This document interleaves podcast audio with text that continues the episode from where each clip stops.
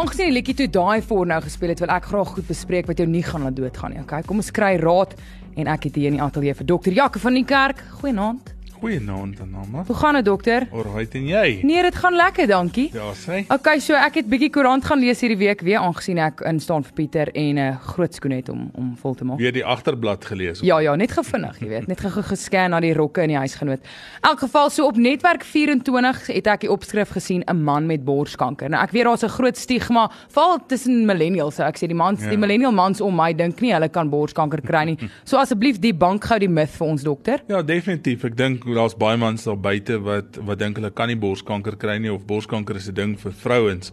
En alhoewel dit meer algemeen by vrouens voorkom, is dit eintlik 'n skelmsiekte by mans want mans is nie geneig om hulle eie borste te ondersoek nie. Mm. Mans besef nie hulle borste is ook eintlik maar klierweefsel nie.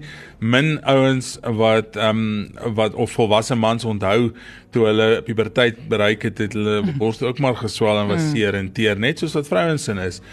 En ehm um, dit is net moeiliker dink ek om dit in man se koppe te kry dat hulle wel borskanker kan kry, dat hulle wel moet voel vir knoppe. Mm.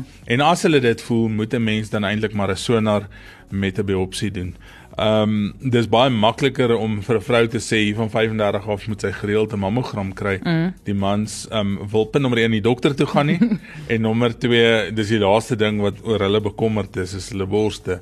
Maar dit bly steeds 'n dodelike siekte en ek dink regtig waar ehm um, mense moet nooit daarvan vergeet nie. En deel van 'n algemene ondersoek vir enige man ehm um, is ook maar om jou borste te laat ondersoek. OK. So dan op Marula Media het ek op opskrif gesien Hokkaai met gou oefen na COVID. Nou kyk COVID is mos nou algemeen in nuus en baie mense het dit al gehad. Nou hoe lank moet jy wag na COVID voordat jy weer aktief kan raak? Ek dink nou, jy weet as ek nou 'n atleet was en ek het COVID gehad het my 2 weke in die bed sit, so ek half depressief nee. geraak het en weer wou oefen. So hoe lank moet mens wag? Wat is die storie daar? Die groot ding is ek dink mense moet gaan kyk wat se fases COVID is. Um eers jy word geïnfekteer dan jy nie simptome nie. Dan die jou viremiese fase wat wat dan die virus bou in getalle op in jou liggaam. Dan kry jy jou kliniese siekte en hierna so 'n week dan begin mens met multiorgaan aantasting. So ons dink altyd aan COVID as mens met die meeste mense praat net as 'n longsiekte. Maar dis 'n hartsiekte, mens kan miokarditis kry, dis 'n breinsiekte, dis 'n niersiekte, dis 'n lewersiekte. Um die ou reël was altyd as jy infeksie het van jou keel af boontoe, mm. lugweginfeksie, dan kan jy oefen soos wat dit vir jou lyf van pas ja, is. Ja, ek ken daai, my maat het my ook so geleer. En as jy van jou keel af onder toe is, en weet bronchitis en pneumonie, dan moet jy nie. Okay. Want jy kan hartversaking kry, jy kan kardiomiopatie kry wat beteken jou hart vergroot as gevolg van die oorlading wat jy basies op hom sit omdat jou longe nog nie kan kompenseer nie. Mm. Die oomblik wat jy oefen met nog inflammasie respons in jou in jou lugweg dan ehm um, maak dit dat jy uit die aard van die saak nie genoeg suurstof kan opneem vir die, maand kan ek amper sê vir vir jou liggaam nie. Die ander ding van COVID is dit maak longfibrose en almal van ons verskil. Longfibrose is maar net 'n vorm van littekenweefsel na COVID en okay. almal van ons het dit in 'n minder of 'n meerdere mate wat COVID gehad het.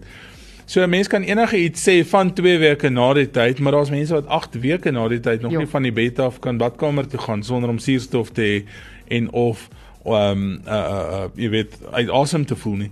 So ek dink is baie individueel. Ek mm. dink um daar as jy baie ligte COVID gehad het en jy het geen simptome nie, um moet jy nog steeds ligter begin, maar ek sal ten minste 'n maand wag. Okay. Um maar uit die aard van die saak daar's mense wat baie langer um van oefening af sal bly.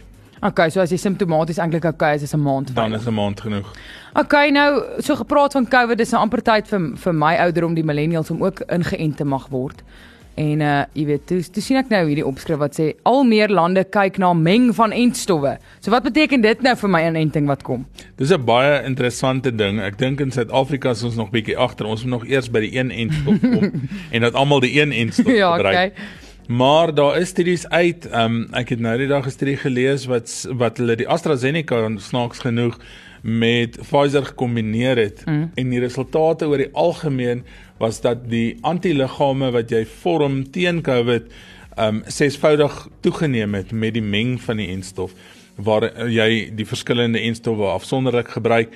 So dit lyk asof daar met die meng van sekere enstowwe 'n beter respons is, 'n hoër antiliggaamvorming, met ander woorde dit beskerm jou beter en as jou antiliggaame lekker hoog is, dan hou dit ook langer, né? Want daar was die hele tyd die debat um hoe lank gaan Johnson Johnson nou, hoe lank gaan Pfizer hou, hoe lank gaan hierdie mm. nou? Um en hoe hoër jou antiliggaam titer of telling is, hoe langer gaan jy gaan jy dan beskerm wees. So dit is definitief 'n ding waarna mense kyk.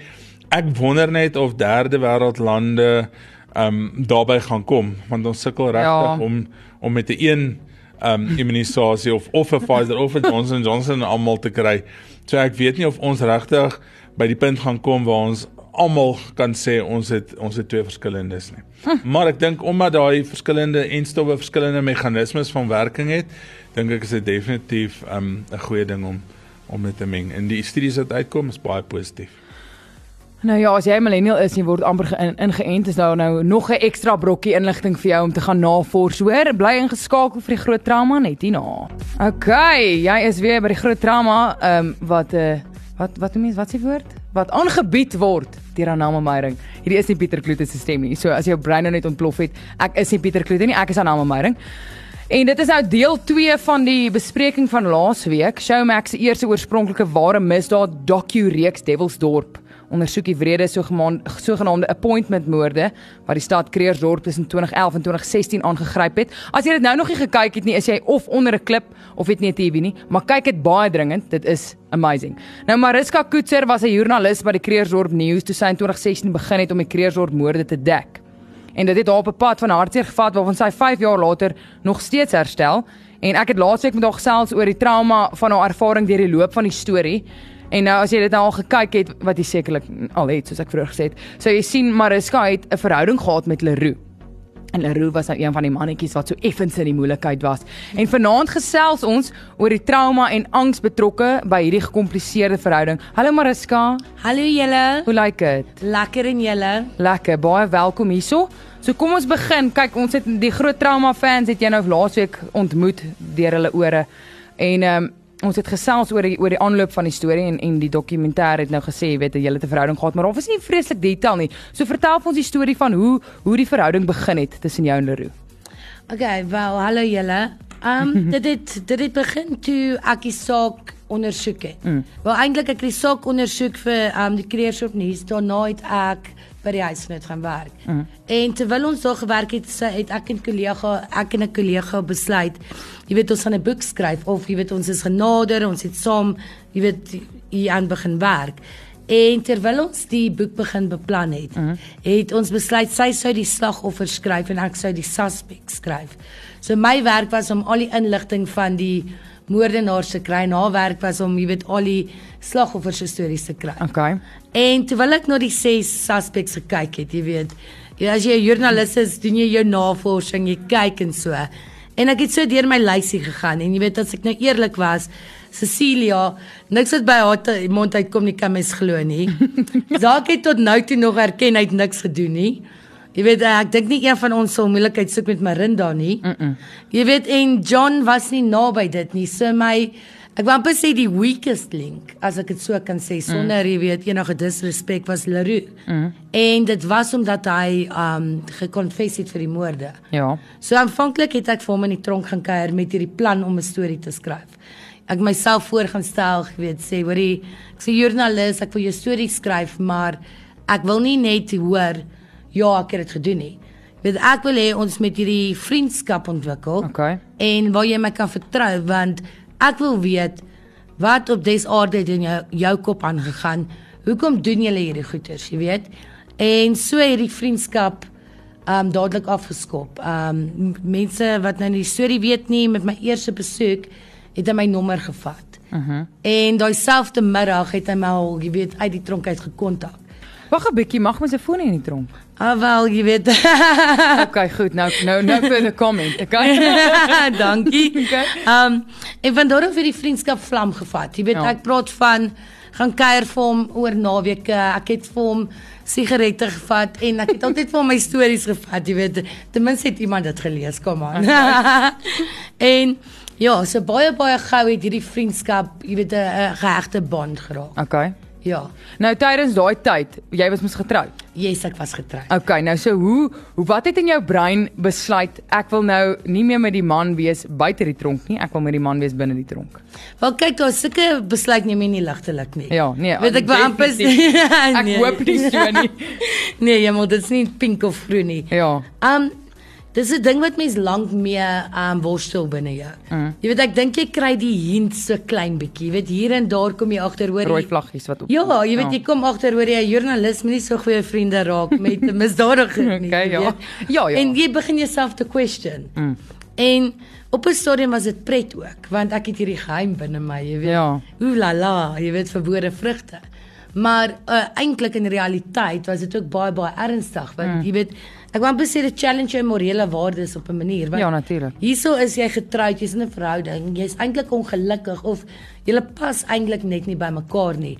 En dan terselfdertyd nou raak jy gefassineerd, infatuated of wat ook al jy dit wil noem met iemand in die tronk. So jy sit daar en jy question yourself. Mm. En ek dink ook dit is een van die eerste kere wat ek wil amper sê jy weet jy begin jouself vra of jy mal is. Jy weet hoekom, jy weet doen jy ietsie soos dit? Mm. Want jy weet almal om jou sal jou vra, jy weet wat doen jy, wat doen jy? Maar in my kop jy, het ek hierdie ding gefight elke liewe dag. Jy weet tot op 'n punt waar ek selfs oor gebid het. Jy weet vir die, ek het al vir die Here gesê, luister hier, as hierdie nie met my moet gebeur nie, asseblief vat die moordenaar weg. Vat hom, jy weet, gaan sluit hom dieper toe of whatever, jy weet. Sit hom in isolasie. Ja, ja, ja, ja, maar ehm um, ja. Okay, nou waar waar staan die verhouding nou vandag? Wel, ons is ons is glad nie meer saam nie. Mm. Ons praat nie meer nie. Wanneer is julle uitmekaar uit? Uh verlede jaar Desember finaal finaal. Okay, Want nou kyk- wat het gebeur? Wel, ek het in lengte toe ontmoet ek 'n 'n 'n kerel. So 'n Okay. so 'n warm rooi kop met so 'n klein bietjie windgat is. Jy weet Okay. julle ouens in Pretoria is so nie jok nie. Dis nie 'n kreersdorp hou hier nie. Okay. In elk geval en um jy weet so almal het vir my gesê jy gaan dit nie regkry om vir hom te kan wag nie. Mm. En jy weet en eendag hier ontmoet ek hierdie ou en life happened. Ja. Jy weet vir eens is dit lekker om saam met 'n regte persoon uit te kan gaan mm. en 'n drink te gaan drink of jy weet lewe te kan experience en dit het my 'n paar maande gevat. Kyk, ek weet ek was tyd want hier jump ek vir my tronkverhouding in die volgende een in. Jessie, julle, ons moet hier praat. Ek dink ons gaan nog 'n show moet boek om om te praat oor hoe jump ek verhoudings. Maar in elk geval, die punt van die saak is ek het eintlik net nie die guts gehad om vir Leroux te sê luister hier ek het iemand anders ontmoet nie. Mm. En dit is nou nou nog iets wat ook nou jy weet half by, jy weet bytel met die angs en so aan want Ja. nou Leroux nie 'n normale persoon nie, jy weet, um normale mense of hy het nie goeters experience wat normale mense experience nie. So met ander woorde, as jy met hom goeters deel, verstaan ek dat hy dit nie aanvaar of ervaar mm. soos 'n normale mens nie. So mm. dit was vir my verskriklik moeilik om vir hom te kan sê luister hier it's like that now. Jy weet en ek het vir omtrent so 3 maande of so probeer om dit jy weet te kyk of dit uitfizzle of uit jy weet Ja. ja. um so fade. En dit het toe nie so uit jy weet opgeëindig nie want nou hoe meer ek myself onttrek het, mm. hoe meer het hy begin vasklou.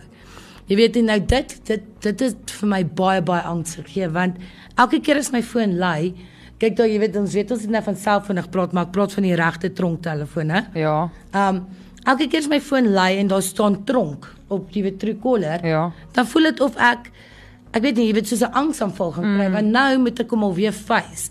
En dit my op 'n stadium so ver gedruk want nou voel dit vir my as ek vir jy weet asof ek vir hom lieg. Mm. Maar jy weet dis nie 'n normale verhouding nie en jy weet hoe sê jy vir jy weet 'n uh, moordenaar hoor jy jammer ek gaan jou hart breek en jy weet ek wil aanbeweeg en uh, dit is iemand hy is iemand wat nie baie liefde ervaar het nie. Ja. So om hom Dis te 'n ge- moeilike besluit. Dit was 'n moeilike besluit. Nou hoe het jy hoe het jy nou finaal dit geëindig? Wat het jy gedoen? Wel, terwyl die verhouding so uitmekaar het begin spin het. Jy mm. weet, um mense kan dit sien, jy weet hy bel 9 keer 'n dag of nie 9 keer nie, as dit nie die foon antwoord nie, dan sal hy 3, 4 keer nog probeer. En op die ou einde het dit geëindig waar ek 'n oproep uit die tronk uit gekry het van um 'n ander inmate Ja. wat vir my gesê het ek moet hospitaal toe kom want Leroux het um geoudie. Okay. So op daai oomblik, ek dink dit was my die ergste van alles. Mm. Want op daai oomblik te besef ek, okay, jy weet as ons nou want op daai stadium toe ken ek hom nou al 3 jaar. Um as ons al op 3 jaar op selfmoord speletjies is en ek bedoel dit met alle respek. Ja. Hoe sou dit nie gegaan het as ek 10 jaar lank vir hom moes wag nie? Ja, natuurlik. Jy weet en ek het daar ek het op daai dag ek kan amper sê die koudste besluit van my lewe gemaak of nie die koudste nie. Dis die eerste keer in 'n lang tyd wat ek met my kop gedink het en ek dink gewoonlik maar, mm. weet. En toe hulle vir my gesê het ek moet hom kom sien, ek moet vir hom kom kuier, ek moet hom moet en praat wat ook al. Mm. Toe het ek nie gegaan nie. En ek het jy weet met sy familie gepraat en op daai ek het besluit om weg te stap en ek het vir hom gesê jy weet ek kan dit nie langer doen nie. Ek kan nie verantwoordelik wees vir iemand anders se lewe nie want ek bedoel ek moet verantwoordelik wees vir my eie lewe, mm. vir my eie mental health en ek het nog 'n kind ook. Ja. En dit het vir my so onfair gevoel want dit het my gevoel asof hy my dreig met sy lewe. Mm. En wat vir my en dit en dit dit, dit pla my nou nog. Jy weet ek het dis nou al maande later en jy weet dit pla my nou nog want die ding is as jy kyk na sy rap sheet, hy kan mense doodmaak. Ja. So jy weet die feit Jo. dat dan vra ek myself, jy weet, was dit 'n regte poging? Was dit, jy weet, om my aandag te kry, maar mm. either or Jy weet, ek dink dit was die grootste rooi lig en ek weet ek moes die duisende ander gesien het, maar mm. daai het vir my gesê, Mariska, dis tot hier toe en nie verder En nie, nou want klaar. as ek daai sal allow, jy weet of toelaat, hoeveel keer gaan dit nie nog met my gebeur nie. Ja. En jy weet, dit dit is eintlik waar ek besef het die verhouding is nie goed vir my nie. Ja, dit was nou die cherry op die koek en is Ja ja ja, maar daar jy weet ons baie ander goeters. Jy weet dis die angs wat ek van praat met die foon. Um jy weet dit was my verskriklik moeilik as ek ek het um, met 'n nuwe werk begin laas jaar Oktober. Ja.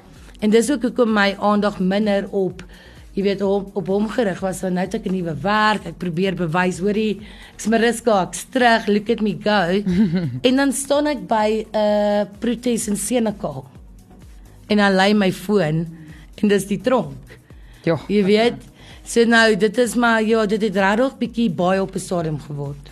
Nou voor ons verder gaan, bly waar jy is. Ons gaan nou hierna verder gesels saam met dokter Jaco oor gekompliseerde verhoudings en die angs wat daar uitkom en wat mens daarmee maak. En onthou ook dan as jy 'n vraag het vir dokter Jaco, vra dokter Jaco op die WhatsApp lyn by 061 610 4576. Onthou standaard data tree geld en bly waar jy is. Ons gesels nou verder. Dis groot drama deur Anelma Meyring en ek gesels met Mariska Koetser, maar voor ons verder gaan daarmee, is dit nou eers tyd vir dokter Jaco se mediese mite minuut 1 2 3 go dok. Ja, daar's ek skoon op my senuwees. Ons praat vanaand oor oor geestesgesondheid en ek dink ehm um, aan die aan die een kant en ek dink daar's baie mense wat nog steeds glo daar's geen hoop vir mense met geestesiektes nie. As jy 'n familie ehm um, familielid of 'n vriend het wat 'n geestestoestand het, dan dink meeste mense dis nou maar so vir die res van tyd. Hmm. En die teendeel is eintlik waar die grootste persentasie van mense um het 'n totale recovery. En recovery in medisyne word gesien as hulle gaan terug werk toe.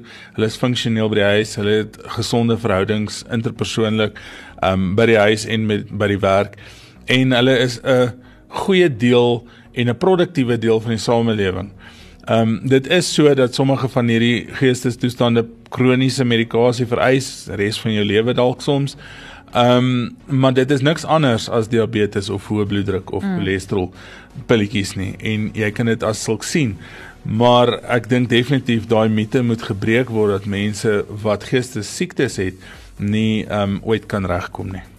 Okay, wel dit is baie goeie nuus want as ek ek ek ek, ek sou sê kyk jy kry baie erge geestesversteurings soos dokter sê wat mm. jy weet deur jou lewe saam met jou kan gaan, maar mens kry ook geestesversteurings wat byvoorbeeld soos angs. Ja. Dit kan ook gesien word as 'n geestesversteuring, maar daar's baie mense wat kroniese angs het. Ja. En dieselfde met depressie, jy kry depressiewe episodes wat 'n mm. paar maande kan aangaan en dan sit verby. So mense kan definitief daardeur gaan. Nou op daai noot Mariska, jy het gesê, jy weet, in terme van depressiewe gevoelens en angs, dis definitief iets waarmee jy direk in kontak mee gekom het vandat hierdie dinge begin gebeur het met jou. So kom ons kom ons begin by 'n punt. Jy weet, jy het nou obviously baie kritiek van die publiek afgekry as gevolg van jou verhouding met Leroux en hoe het jy hoe het jy daarmee gedeel met die angs wat aan dit betrokke was? Wel ek dink ek deel nou nog daarmee mm. en dit is 'n moeilike ding om mee te deel, jy weet. Um soos die dokter gesê het, ek dink sulke goeters kan nie net 'n pil, dis nie altyd 'n pil wat dit kan oplos nie, maar jou state of mind, jy weet. Um dis baie baie belangrik om na jouself te kyk mm. en ook om te probeer om nie in te gee, jy weet wat mense sê nie, maar ek moet sê die kritiek, die kritiek was baie baie erg dit voel asof mense hierdie labels op jou begin plak, mm. weet. En dan dan is dit met al die goeders gepaard. Dit is nie net vir die mense van jou dink nie, maar dit af, dit het baie um dele van my lewe afekteer. Kom ons sê as ek vir 'n nuwe werk aan sou doen. Jy weet dan sit en dink ek vir myself, "Wow, jy weet as die mense my vorige um base gaan bou gaan hulle vir hulle sê wat gebeur het of jy weet obviously mense weet. Ja. En jy weet dis 'n soorte um angs wat by jou bly maar selfs vandag en my my vorige werk Daar's byvoorbeeld 'n angs wat ek het waar ek um so angstig is om my werk te verloor. Mm. Jy weet dit is ietsie wat ek elke liewe dag, ek voel of ek elke dag 200% gee, dat ek tog net nie ooit weer in die moeilikheid kom nie. Weet, ja. obviously het ek my les geleer. Ek gaan nie weer gaan rond hy, jy weet, uithang by die tronke nie. maar jy weet ek het ek het 'n angs ontwikkel om my werk, maar ook ek het agterkom, jy weet, onlangs met die soorte stories wat my skouer en selfs met die kreersop moorde hierdie stories gaan sit baie dieper op ons as wat ons besef. Mm. Jy weet, ek het op 'n stadium net ek stories geskryf vir selfmoorde. En dan jy weet dood as jy al hierdie COVID goeters en so skryf. Jy kom op 'n punt waar jy agterkom maar hoorie, ek is depressed. Jy weet en dit is die die nuus wat mens inneem. En ek dink dis presies wat met die kreersopmoorde ook gebeur het.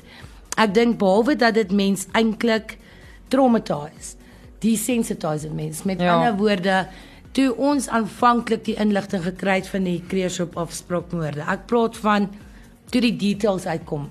Um fynere details van eers is mense vermoor en later vind jy uit ouma, jy weet die lijk was in 'n swart sak of jy sien toevallig 'n foto van die toneel. Mm.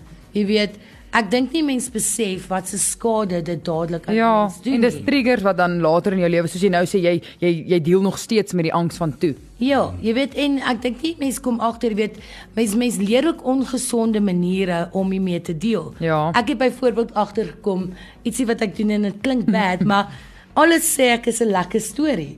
Jy weet en dan kan ons praat van iemand wat se arm af is en die bene steek deur oh. en daar's bloed en dit dit, dit wys my hoe gedesensitiseerd ja. is want maar veral as 'n joernalis ook I mean jy word jy sien jy het hierdie goed op 'n daaglikse hmm. basis gesien nou okay so basically jy sê jy weet op 'n daaglikse basis is angs 'n uitdaging hmm. okay en dit is dan basies kroniese angs wat 'n geestesversteuring is hmm. en baie mense van ek dink veral in 'n land soos in Suid-Afrika het ek dink persentasie gewys meeste mense angs hmm.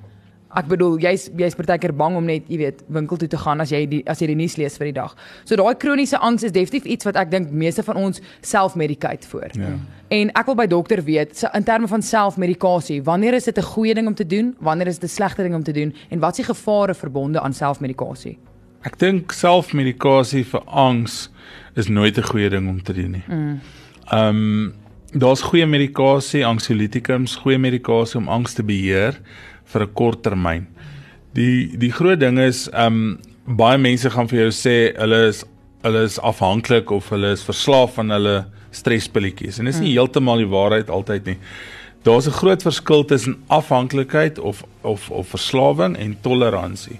So wat gebeur baie keer as mense hierdie hierdie middels oor die langtermyn gebruik is jy gebruik nou 'n 5 mg pilletjie van whatever en dit werk vir jou. Mm. So oor 3, 4 weke dan sien jy dit werk nie meer lekker nie, maar as 5 gewerk het, gaan 10 dalk ook werk. Dan drink jy 10 en dan werk daai 10 vir jou. En weer 'n maand later dan jy op 15, 20, 25. Ek sit met ek het 'n pasiënt ruk terug in my kamers gesit. Um wat voor my sit en sy's wakker en sy het sewe slaappille in. Jo. En sy soek nog. Ehm um, en hulle raak aggressief later. So is sy afhanklik of is sy tolerant? Sy is so wakker soos wat ek en jy sit. Jy sal nie sê nie. Dit is crazy. En dis toleransie ook. So ek dink daar's 'n kombinasie van mm. afhanklikheid en toleransie. So ek dink mense moet baie versigtig wees daarmee ehm um, in terme van jy jy gaan in elk geval effektiwiteit verloor. Jy gaan later jouself oordoseer en jy gaan later net neeweffekte kry en niks meer effek nie. Mm. Ehm mm. um, dis die een ding. Die ander ding is En dis 'n beginsel in psigiatrie is as jy 'n probleem het wat vir jou angs gee en jy gee heeltyd 'n angs weer in 'n middel, mm. dan beweeg jy weer eens nie deur die hele proses. Jy behandel nie die probleem jy probeer nie. behandel nie die probleem nie. Mm. So 'n mens kan nie aanpas terwyl jy op angsmiddel is. Mm. Jy kan deur iets beweeg en jy kan cope op daai oomblik, maar daarna is dit maar nog steeds dieselfde is dieselfde probleem kom terug. Mm.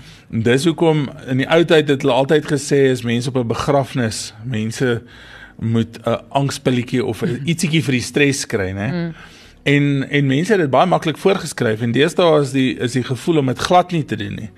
Want jy kry mense wat gaan vasval in een van daai fases waardeur hulle moet gaan. Het sy dit 'n roufase is of 'n verlies van iets of 'n of of 'n posttraumatiese stres uh, as gevolg van 'n ding wat in jou lewe gebeur het, jy val vas daar en jy kan nie daar verbykom nie want elke keer wat jy deur die stres moet werk, dan vat jy jou angspilletjie en jy bly heeltyd hierdie kant. En die oomblik mm. as stresspilletjie uitgewerk het, het jy nog steeds jou probleem en hy word net groter en groter want jou angspilletjie word al hoe minder en minder effektief. So ek dink dis nooit 'n goeie uh, uh, uh, gedagte om te self-medicate nie, dis mm. nommer 1. En nommer 2 is as mens angsmiddels gebruik, moet jy dit in kombinasie doen met psigoterapie. Jy moet dit in kombinasie doen. Spandeer eerder meer tyd en geld om streshanteringsvaardighede, ontspanningsterapie, mm. al daai klas van dinge te doen. Dit gaan jou baie meer waarde gee as om 'n 30 pilletjies te gee en ek ek's besig om myself nou seker in die voet te skiet want dit is my bedryf van voorskrifies skryf. Maar ek moet vir jou sê ek sal baie beter voel as iemand vir my sê hulle het my pil net 2 weke lank gebruik. Mm. Maar hulle is deur streshanteringsvaardighede en hulle is beter aan die ander kant sonder my pilletjie Ja. as wat hulle vir my kom sê hulle soek net 3 en 4 van my pilletjies vir 'n dag. Nou, wat sal dokter sê, hoe voel ons dan oor 'n natuurlike kalmeerpilletjie? jy weet 'n natuurlike wat jy so half, jy weet so Vir die casually- toonbank kan So kry. casually, jy weet van die rak af val en hom koop. Daai cheap een. Kyk, daar's 'n maklike ding wat ek vir jou nou kan sê daaroor. Ek kan vir jou iets lelik ook sê daaroor, maar die maklike ding wat ek vir jou kan sê daaroor is as 'n ding op die rak beskikbaar is, né, Mm. dan sal rede voor. Oh, Enige ding wat optimaal werk, sal 'n voorskrifmiddel wees. Enige ding wat jy moet glo gaan werk, is oor die toonbank beskikbaar. Want die ding is net oor die toonbank beskikbaar in ons land as die medisynebeheerraad voel hy's veilig genoeg dat as iemand hom in die hande kry en meer drink as wat hulle moet, niks gaan gebeur nie. Jy hoor wat ek sê. Mm -hmm. Dit is nie met alles so nie, want uh, vir my en wie sê ons nou parasetamol is is is 'n ding jy kan met 20 parasetamol seker selfmoord pleeg. Maar ehm um, die meeste angswerende goed ehm um, se effektiwiteit is baie debatteerbaar. Oeh, okay, nee, ek is nou 'n bietjie angstig. Kom ons kom ons vat 'n breek. Voordat ek 'n angsaanval kry, hier sê ons vat gou-gou 'n bietjie breek, luister 'n bietjie na Joe Black en dan gesels ons verder met Mariska en Dr. Jaco. Dis groot trauma en ek Sanelma. Dit draai maar daar was cute. Okay, ek gesels met Mariska Koetser. Dit is nou, dis nou basies groettyd. So Mariska, is jy daar? Nee, ek wil nie gaan nie. Ek weet, ek wil ook jy moet gaan. Ons gesels so lekker.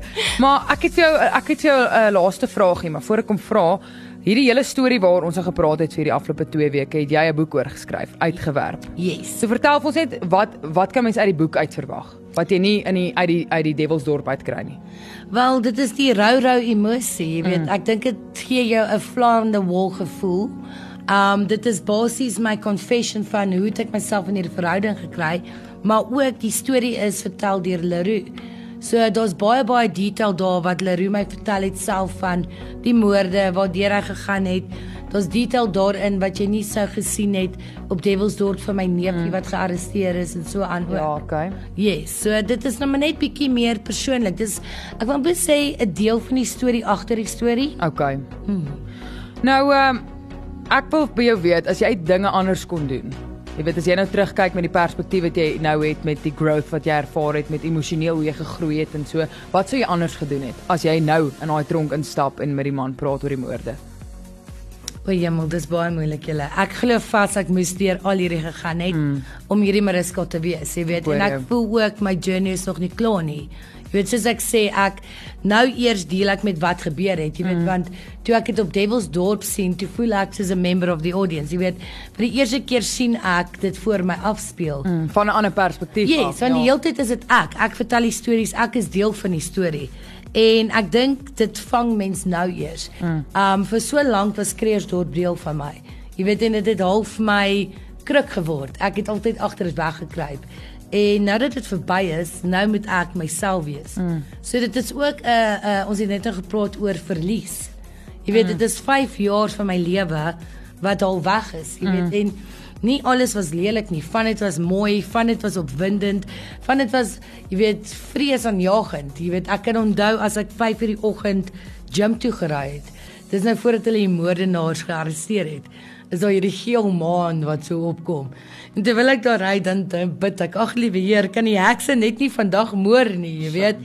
So it's been a roller coaster, jy weet van alles. En um jy sien, ek sal dit heeltemal weer oordoen. Wat ek anders sou doen, sal ek nog oor moet dink. Okay. Ek dink weet julle wat omdat ons op hierdie program is, gaan ek verantwoordelik wees en sê wat ek anders sou gedoen het, sou ek my angs en my geestesstoestand beter gemanage het. Mm, beter na jouself gekyk het. Beter na myself gekyk het. Mm. Ja, jy weet, um nog 5 jaar besef jy wat se skade jy self aan doen. Mm. Jy weet nie net goeters van jou angs nie, maar ek dink um joernaliste moet ook meer um kyk na hoe hulle na hulle self kyk. Mm. Die stories wat ons cover.